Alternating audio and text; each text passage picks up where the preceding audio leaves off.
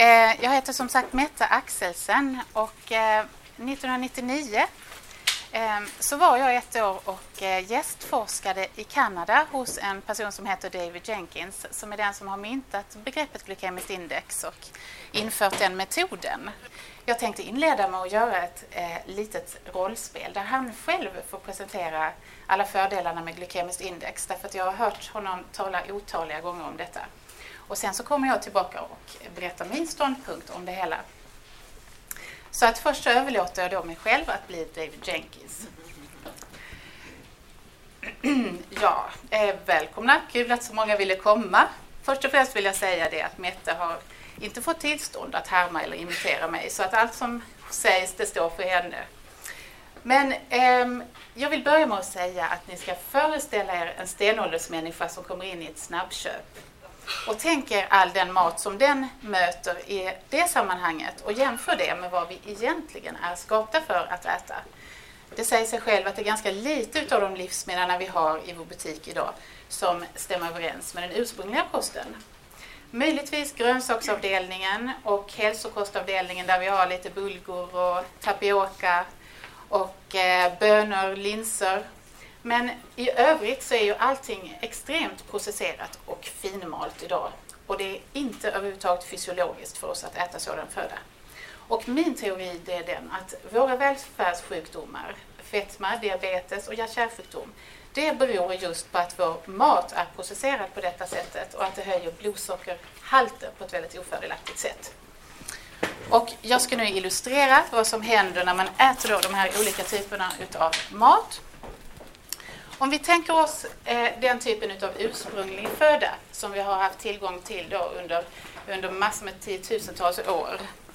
Eh, så när vi har ätit denna mat så kommer den ju först ner då till magsäcken, ventrikeln, och där tar det en god stund för magen att bearbeta födan. Och så småningom så kommer den ner i tunntarmen, den övre delen av tarmen, där maten då ska smältas och absorberas. Och detta sker då i ett väldigt utdraget förlopp då längs med hela tarmen och tar således väldigt lång tid. Däremot när man då tar vår eh, processerade föda som vi äter idag med vitt mjöl och socker och liknande så passerar det ventrikeln väldigt fort och sen så tas det omedelbart upp till blodbanan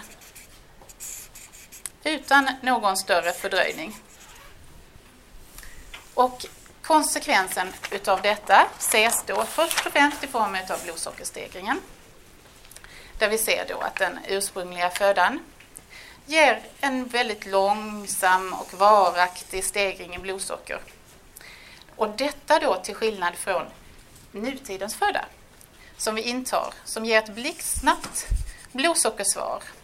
Och till följd av att insulinnivåerna i kroppen stiger så får vi då en eh, väldigt snabb blodsockerstegring som pressar ner blodsockernivåerna, ofta under ursprungsläge. Vad är resultatet av detta? Jo, det är då att vi blir hungriga. Dessutom påverkar det kolesterolnivån.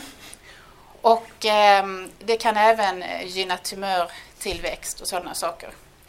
Så att min teori är att alla de här fiberrika, nyttiga produkterna som vi åt tidigare och som till viss del fortfarande finns vissa eh, ursprungsbefolkningar som, som har mycket av i sin föda i Afrika och andra ställen.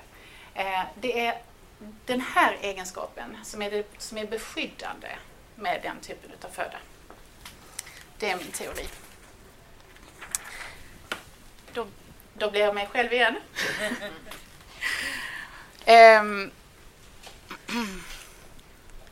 ja, eh, David Jenkins som sagt eh, tyckte att det till viss del fattades lite förklaringsmodeller varför alla de här livsmedlen som jag har radat upp är nyttiga. För vi vet att vi har tusentals studier som visar att fiberrika produkter och bönor, linser och mycket frukt och grönt att det verkligen är enormt hälsosamt och förebygger fetma, hjärt-kärlsjukdomar, diabetes och vissa former av cancer. Men frågan är ifall eh, det är detta som är förklaringsmodellen. Och eh, jag säger nej, det är inte detta som är förklaringsmodellen. Eh, åtminstone inte, har vi inte bevis för det ännu.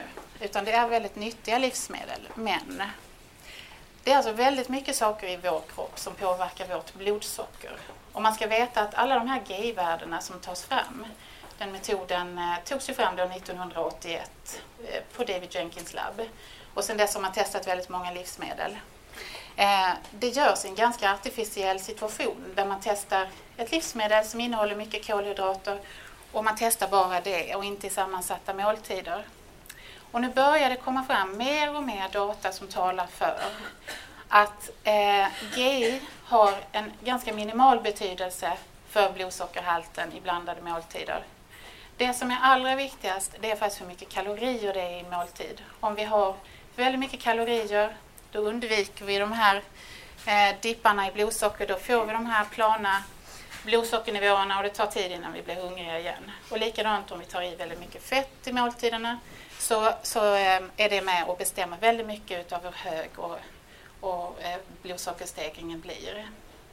Och detta komplicerar ju begreppet väldigt mycket. Ska man vara, ska man vara kritisk, och det är man när man jobbar vid universitetet, då säger jag så här att det finns faktiskt inga studier som har visat på friska människor att ehm, eh, blodsockerhalten faktiskt påverkas dygn efter dygn efter dygn. Det var gjort på små enstaka studier där man lyfte ut ett livsmedel. Och jag vill se sådana studier innan jag tror att det påverkar blodsockret. Vi har alltså ett väldigt fint, hårfint justerat kontroll på vårt blodsocker i kroppen. Detta förstås för att hjärnan ska alltid kunna tillgodose sitt glukosbehov. Och eh, även hos personer som har diabetes så har vi börjat att vackla om de behöver använda GI, lågt GI i sin kost. Det har funnits en period när vi har tyckt att bevisen har vägt för att personer som har diabetes, de har ju sämre finjustering av sin blodsockerhalt och där kunde det vara befogat. Men nu börjar det komma fram rapporter över längre tid, bland annat en av David Jenkins lärjungar som kom ut med en rapport nu i februari där de har låtit patienter med typ 2-diabetes äta lågt GI ett helt år. Och de ser ingen effekt på genomsnittliga blodsockernivåer eller på hur högt blodsockernivån stiger. Så detta kan alltså visa att, att um, det är väldigt svårt att påverka blodsockernivån när man äter en blandad kost. Och det är väl snarare så att det finns en massa andra positiva fördelaktiga saker med de här livsmedlen. Många utav de mekanismerna känner vi väldigt väl. Så det här är ändå i marginalen.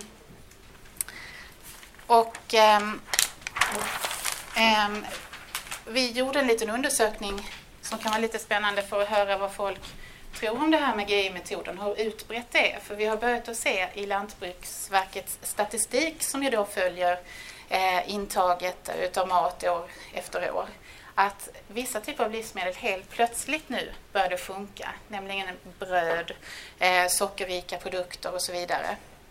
Och eh, vi tänkte att det kanske var någon typ av GI-effekt. Så vi tänkte att vi skulle följa det nu under ett antal år med hur, hur eh, anammat gay-metoden är.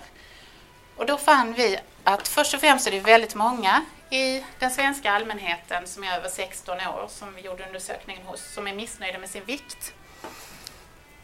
Vi fann en fjärdedel av eh, allmänheten som just nu försökte gå ner i vikt. Just nu. Så det, man kan ju förstå vilken enorm marknad detta är.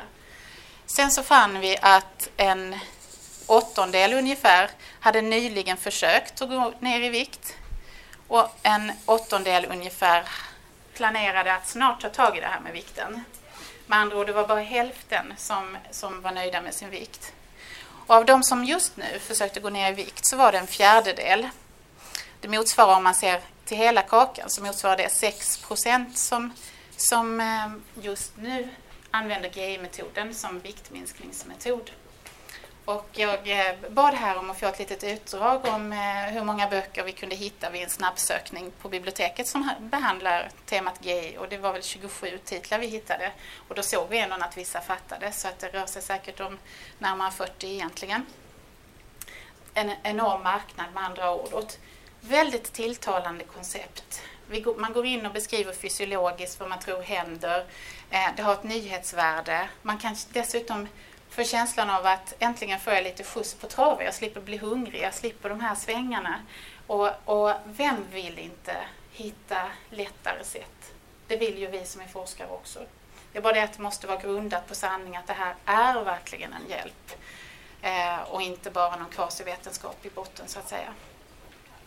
Och det är det än så länge vad vi vet. Eh, det har gjorts en hel del studier som har, där man har tittat på effekten av att bara förändra GI och titta på om vikten rör sig.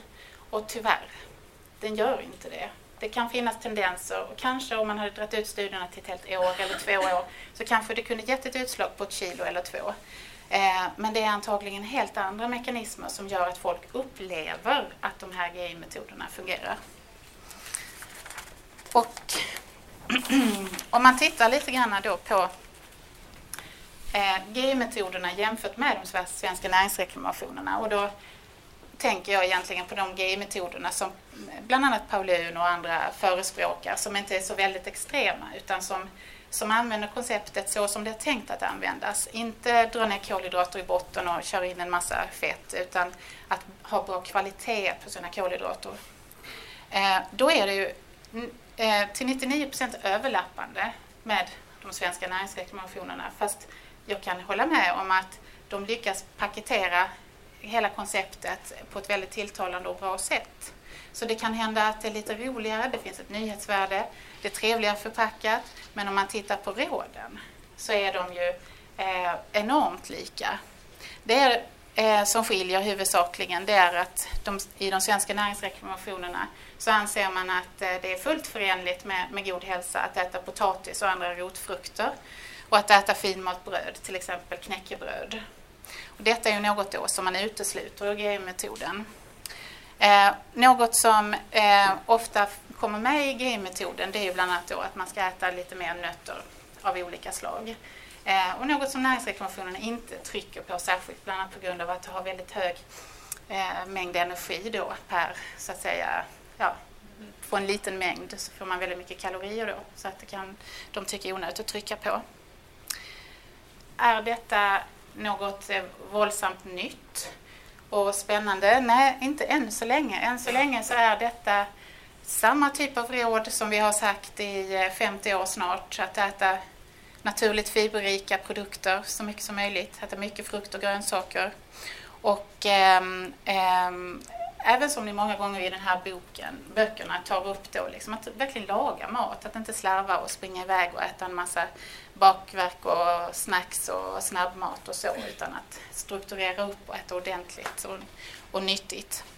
Men i övrigt så, eh, så är det ganska mycket kejsarens nya kläder och eh, det finns eh, inte belägg tyvärr för allting som, som hävdas i de här böckerna när det gäller att förebygga sjukdomar.